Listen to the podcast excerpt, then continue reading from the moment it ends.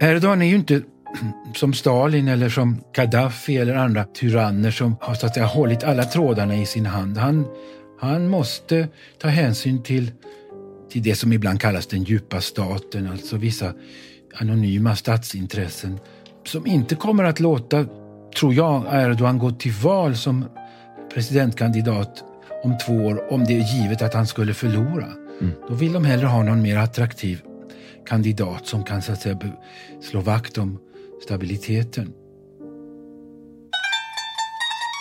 Välkomna till ännu ett avsnitt av Mellanösternpodden som idag inte kommer att spesa och stanna vid ett visst land eller en viss fråga utan istället göra en liten ja, rundresa kan man väl säga runt regionen och titta på förändringar och saker som har hänt de senaste åren. Inte alla klarar av att följa med Ricky och med på en sån resa, men en som person som definitivt gör det är dagens gäst.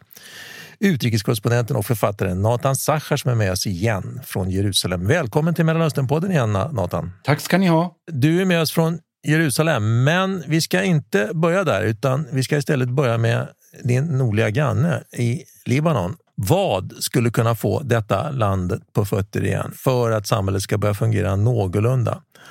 Måste man ju naturligtvis ändra på, kanske på konstitutionen eh, som rymmer en formell maktdelning mellan olika religiösa grupper och sekter. Eller räcker det med att man får bort Hizballah till exempel och korruptionen? Och vad borde omvärlden göra om alls någonting? Det skulle vara intressant att börja i den, den ändan.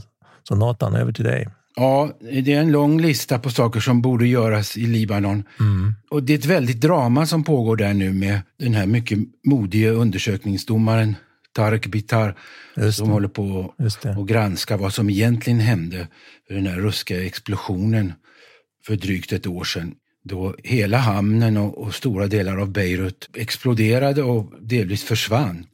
Och det här det är så pass känsligt därför att den här domaren han eh, har inte givit efter för de politiska påtryckningarna och fortsätter att kalla till sig höga makthavare och förhöra dem om, om deras roll i det här.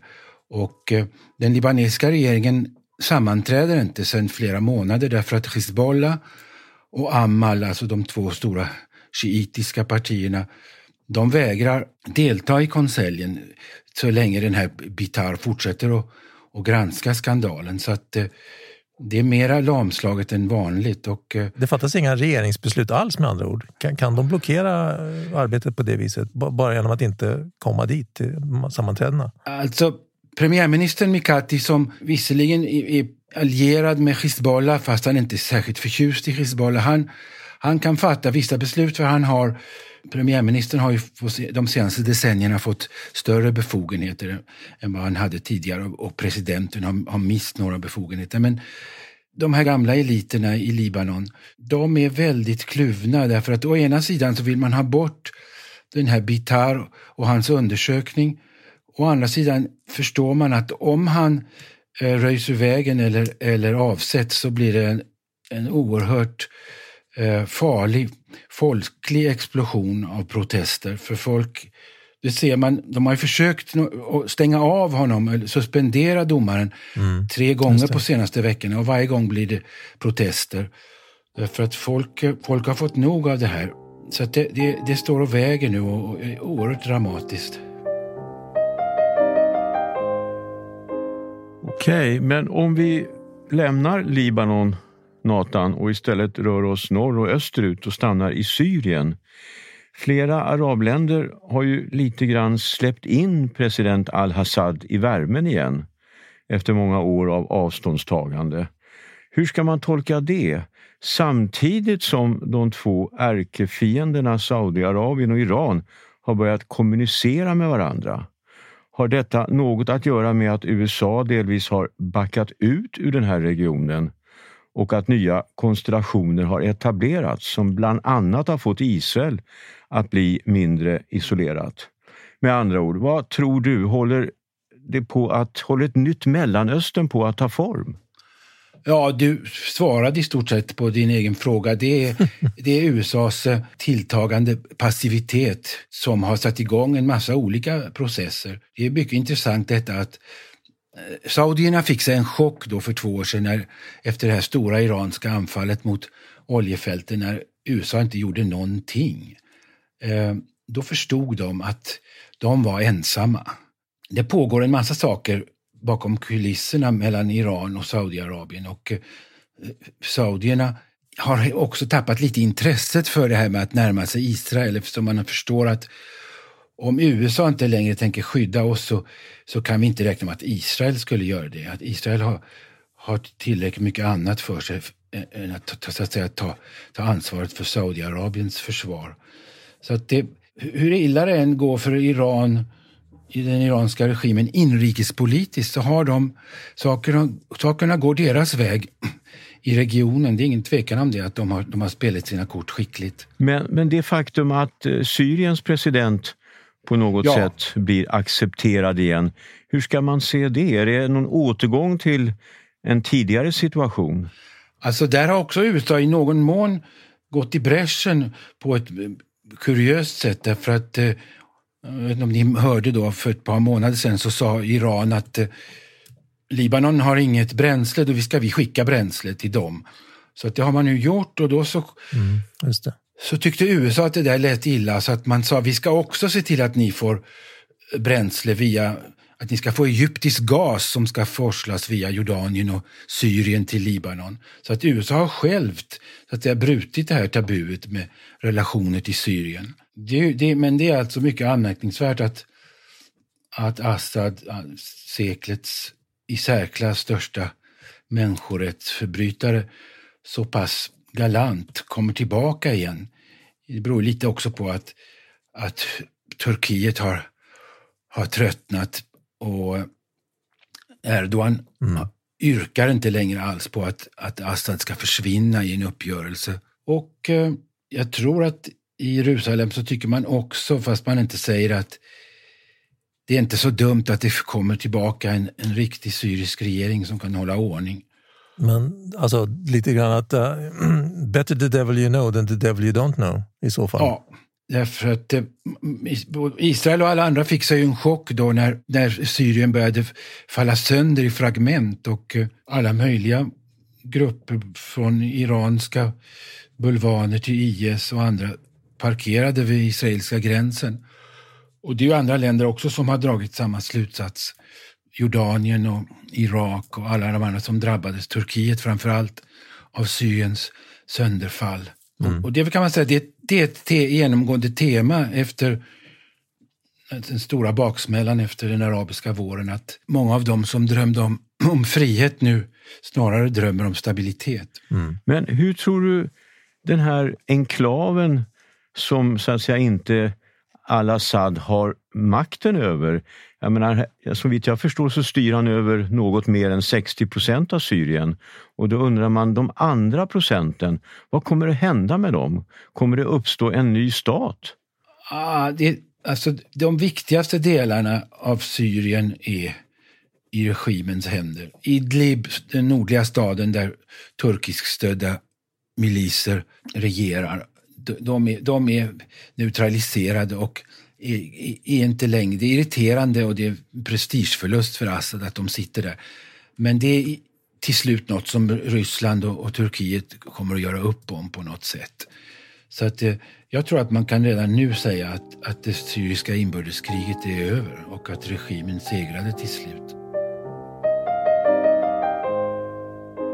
Du nämnde tidigare här baksmällan efter arabiska våren. Om vi, vi backar ett år, för då när du var med senast hade vi diskuterade om, om det Abraham Accords som då eh, som ett möjligt så att säga, paradigmskifte. Eh, och det var ju för ett år sedan då. Och om vi fortsätter lite på det spåret, hur ser du idag på den normaliseringen här mellan ja, det är framförallt Israel och Förenade Arabemiraten och Bahrain, men även nu också Marocko dit ju försvarsminister Gantz är på väg för att skriva under ett försvarsavtal till och med den, den här veckan om jag inte kommer ihåg helt fel. Det skiftet där och den relationen mellan Israel och de här länderna har ju varit annorlunda än till exempel freden mellan Israel och Jordanien och freden mellan Israel och Egypten. Jag menar, 200 000 israeler har redan hunnit besöka Emiraten till exempel. Kan man säga att det är en varmare fred än, än då normaliseringen mellan Israel, och Egypten, Israel och Jordanien? Det ser ju i alla fall ut så. Är det en självklarhet till exempel att andra länder kommer att följa med? Nu har vi nu har vi UAE, vi har Bahrain, vi har Marocko och kanske Sudan, fast det är mer tveksamt. Men, men till exempel, vad tror, vad, vad tror vi om Saudiarabien i det här, i det här sammanhanget? Alltså först ska man säga att det här är en succé, en publiksuccé. Det åker en massa israeler till arabländer som de har drömt om att besöka. Och eh, motsvarande, inte så många, men ändå en hel del gulfaraber som dyker upp i, i eh, Israel och paradoxalt nog ibland blir ovänligt bemötta av Israels araber som tycker att de har mm, kapitulerat för Israel, att de skulle inte ha slutit fred med Israel förrän palestinierna hade fått någonting i gengäld. Så det här är en viktig, en viktig psykologisk förändring i Israel, den här känslan av, av isolering. Sen är ju naturligtvis den israeliska högernationalismens dröm är ju att, att det här ska fortsätta att blomstra utan att, att palestinierna alls ska få vara, vara med på ett hörn.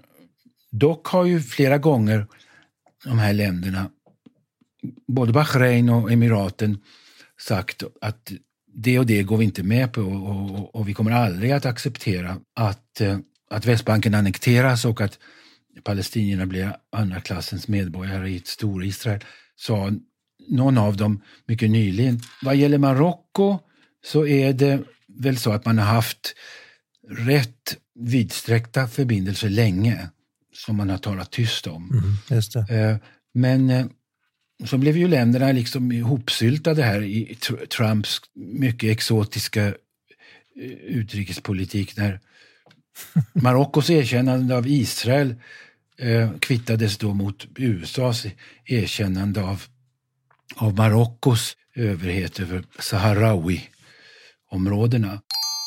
Sahrawi-området som nämns här är alltså västra Sahara, den benämning som det oftast går under här hemma.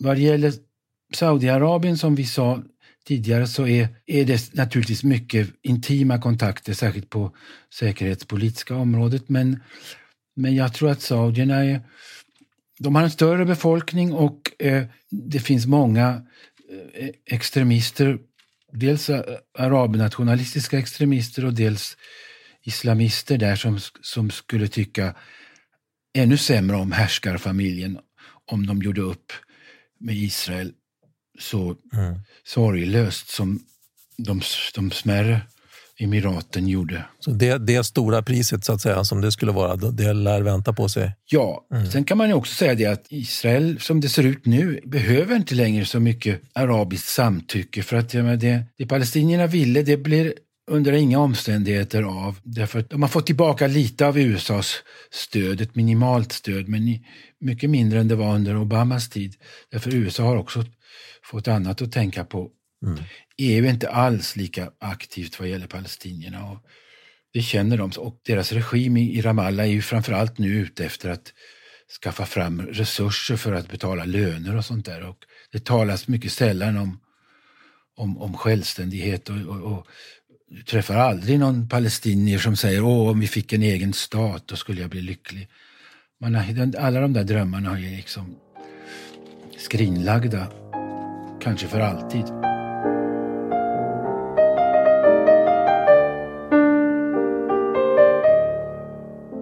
Låt oss titta på Turkiet som ju är en sorts demokrati men med flera begränsningar. Inte minst om man ser på behandlingen av minoriteterna. Och då undrar jag Nathan, kan du föreställa dig en framtid där landets ledning inte längre ser kurderna som ett hot utan kanske till och med som en tillgång. Vad skulle krävas för det? Hur länge kan man fortsätta att förfölja och särbehandla nästan 20 procent av landets befolkning? Vad kan man hoppas på?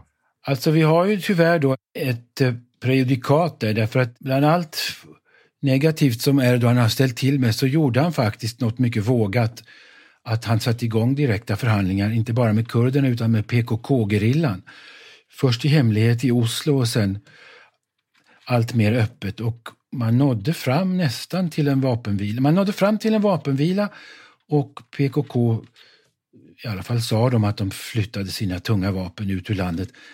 Men de slutade attackera turkiska styrkor och det här, det här såg mycket lovande ut och sen gick det åt skogen tack vare det syriska inbördeskriget när, när kurderna på andra sidan började bygga något som liknade en, en stat och de turkiska generalerna sa till Erdogan att nu har det här gått för långt, det är för farligt. Vi kan inte ha avspänning med väpnade kurder på de här villkoren. Så att eh, Erdogan hör inte till de turkiska nationalister som är, har en paranoid inställning till kurderna. Eh, han har ju tidigare, i synnerhet i början av sin bana, vunnit en stor del av de kurdiska rösterna. Och de vill han ha tillbaka nu. Mm.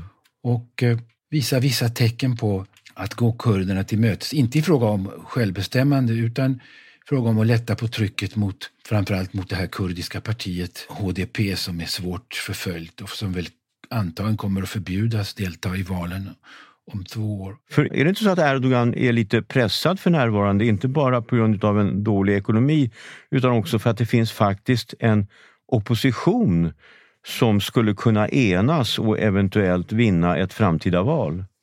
Jo, så är det. Och det, Erdogan är ju inte som Stalin eller som Gaddafi eller andra tyranner som har så att säga, hållit alla trådarna i sin hand. Han, han måste ta hänsyn till, till det som ibland kallas den djupa staten, alltså vissa anonyma statsintressen som inte kommer att låta, tror jag, Erdogan gå till val som presidentkandidat om två år om det är givet att han skulle förlora. Mm. Då vill de hellre ha någon mer attraktiv kandidat som kan så att säga, slå vakt om stabiliteten. Mm. Det talas om försvarsministern Akkar som en, en, en tänkbar efterträdare. Erdogan är inte frisk heller, man vet inte riktigt vad det är med honom men han har sett ganska skakig ut eh, flera gånger under framträdanden. Om vi gör ett nedslag i landet du sitter, Nathan, i Israel. Det är också, ja, jag skulle säga att det är den enda riktigt stabila demokratin i Mellanöstern. Men även den har begränsningar, till exempel vad gäller behandlingen av landets arabiska invånare. Eh, vad tror du skulle krävas för att förbättra villkoren för den minoriteten? Alltså det är ju också, det är också 20 procent av landets befolkning.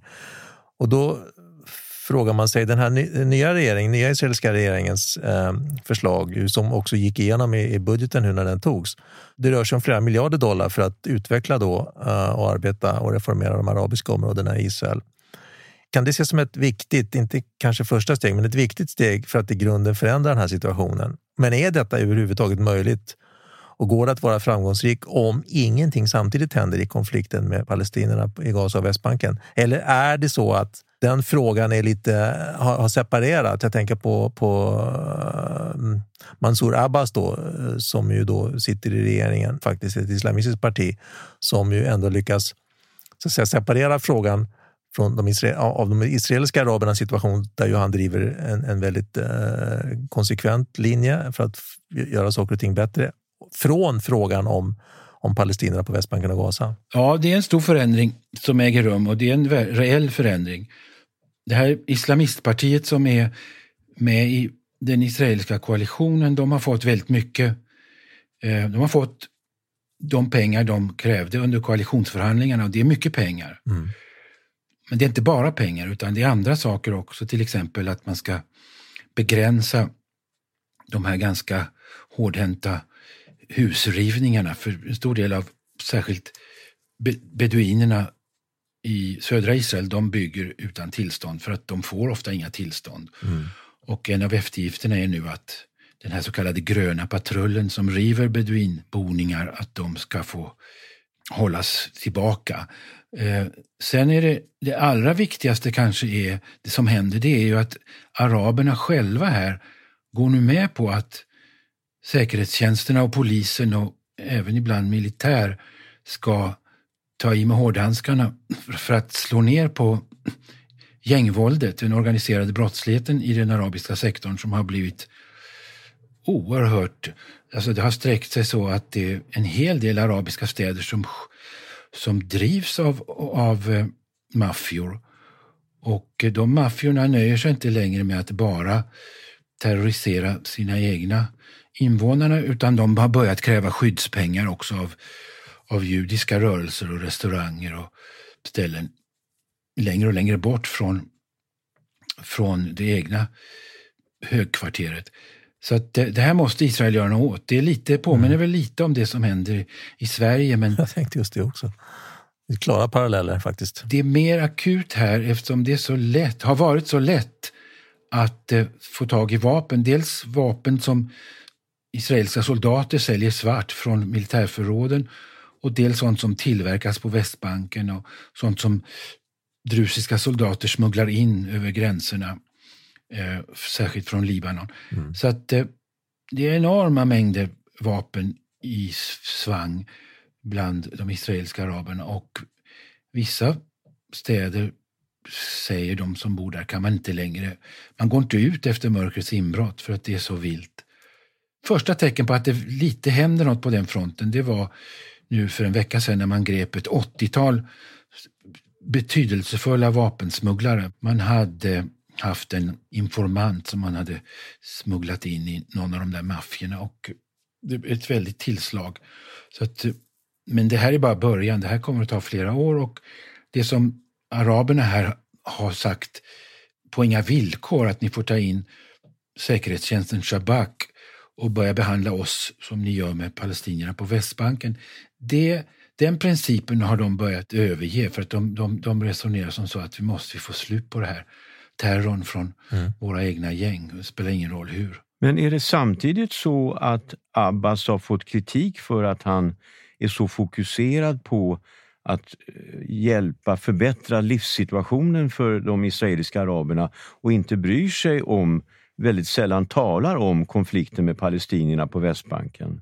Ja, det får han. Han får den kritiken, men den kritiken som hade varit svår att parera tidigare, den klarar han nu för att det, de israeliska araberna ser ju att både USA och Europa och arabstaterna har tappat intresset för det nationella palestinska projektet. Mm.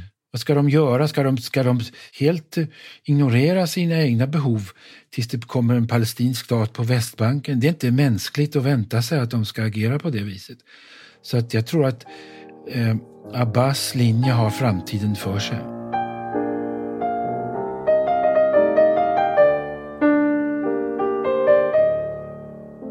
Om vi går vidare och rör oss österut är du förvånad över att vi i väst helt och fullt har accepterat att nästa fotbolls-VM kommer att hållas i Qatar? Där 95 procent av befolkningen är gästarbetare som i det närmaste lever som slavar. Vad skickar det för signaler kan man fråga sig? Och om detta borde motarbetas, var drar man då gränsen? Bör vi även protestera mot den just nu pågående världsutställningen i Dubai i Förenade Arabemiraten. Och undrar man naturligtvis, handlar det här främst om pengar och mutor? Eller handlar det om att vi tror att de här evenemangen de facto kommer att kunna påverka de här extremt auktoritära och intoleranta länderna? Vad säger du? Jag är verkligen ingen expert på just det och minst av allt på Qatar. Men jag vet att folk här, alltså framförallt araber, utgår från att det var orent spel då Qatar fick det här evenemanget. Så kan man ju säga då, om man ska vara så hjärtnupen, vad då med Kina som arrangerar olympiska spel, som mm. har mycket värre saker på sitt samvete. Så om, om vi bara ska ha snälla länder som får arrangera mästerskap, då... Skaran minskar av potentiella ja. arrangörer. Det är ett problem för alla de här länder, auktoritära länderna när, med olika sorters globalisering.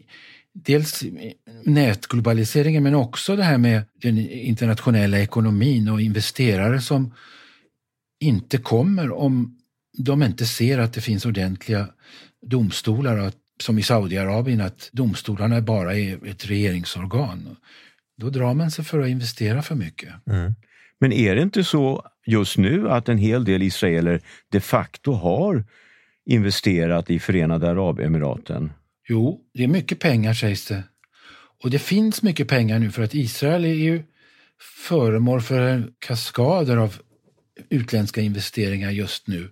Jag tittade igår på siffrorna och då såg jag att Israel i fjol tog in dubbelt så mycket utländska investeringar som Sverige och då har Israel ändå mycket mindre industriell sektor än Sverige.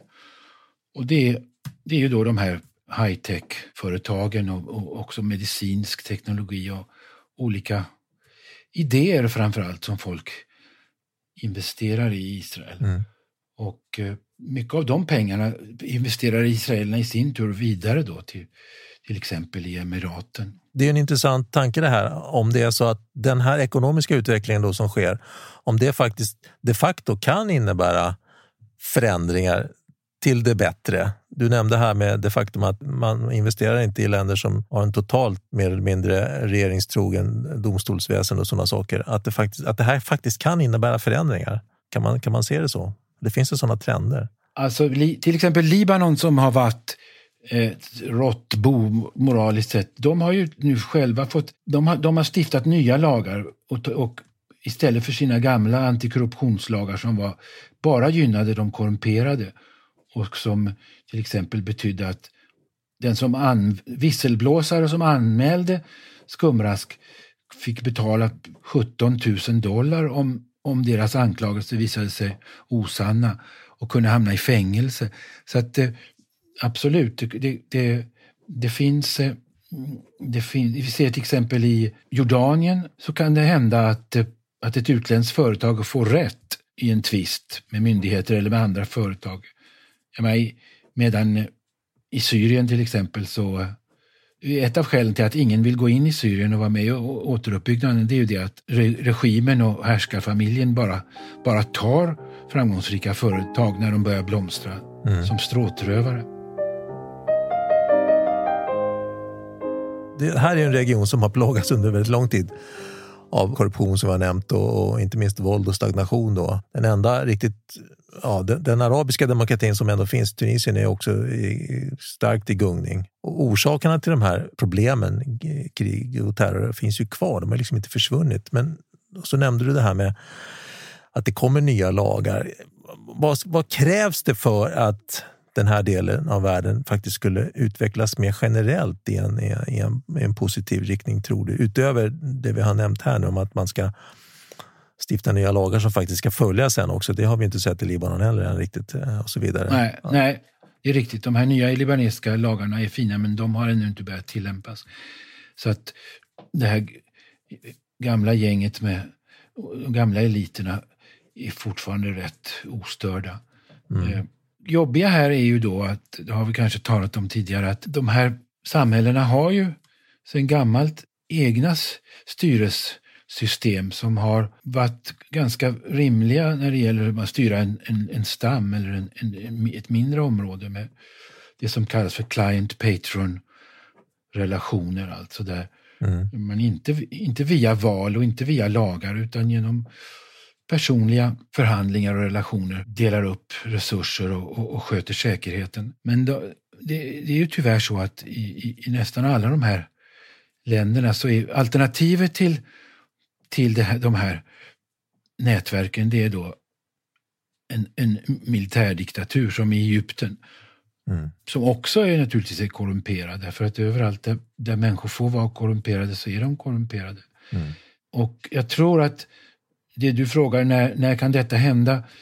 Det finns skäl att vara mer pessimistisk nu än vad vi alla var då för tio år sedan när den arabiska våren bröt ut. Därför att vi kan ju se ungefär, du nämnde Tunisien, det är väl det enda ställe mm. där så att säga, demokratiskt, med demokratiska mått mätt har blivit lite bättre fast det är ganska krångligt där också. Mm. Det är en dyster, dyster avslutningsbild här eh, vi ger, men, men eh, som sagt, det är svårt att se de här riktigt stora positiva tecknen. Finns det någonting du skulle vilja framhålla eh, som ändå pekar i någon form av, av positiv riktning här? Alltså någon, någon, någon ljusglimt, någonting att hålla, hålla sig i, i detta mörker? Snälla, snälla! alltså det är, ju mindre, det är ju mindre krig och det finns ju inget överhängande krig som ska just bryta ut. Det kan man säga att det är, en, det är en bra sak. Det händer här och var, i marginalen händer det bra saker. Israelerna släpper in arbetare från Gaza mm. I allt högre grad. Inte alls som under i gamla dagar när det kom flera hundratusen varje dag. Men de kanske ska släppa in 30 000 snart och det kommer att spela stor roll för Gazas försörjning. Mm. Men eh, något riktigt glädjande är svårt att upptäcka, i alla fall från min horisont. Mm. Jag tror att det du tryckte på här, eh, att det är samhällen som till väldigt hög, i väldigt hög utsträckning fortfarande styrs av det här client patron systemet är naturligtvis en väldigt bidragande orsak. Och innan det ändras så lär det ju ta ganska lång tid. Tack så mycket för att Tack, du Nathan. ville Vi vara med hörs igen. och hade tid. Tack så mycket, tack ska ni ha. Hej då. Nästa avsnitt av Mellanösternpodden kommer den 16 december och då ska vi tala om migration från Mellanöstern till Europa. Välkomna då!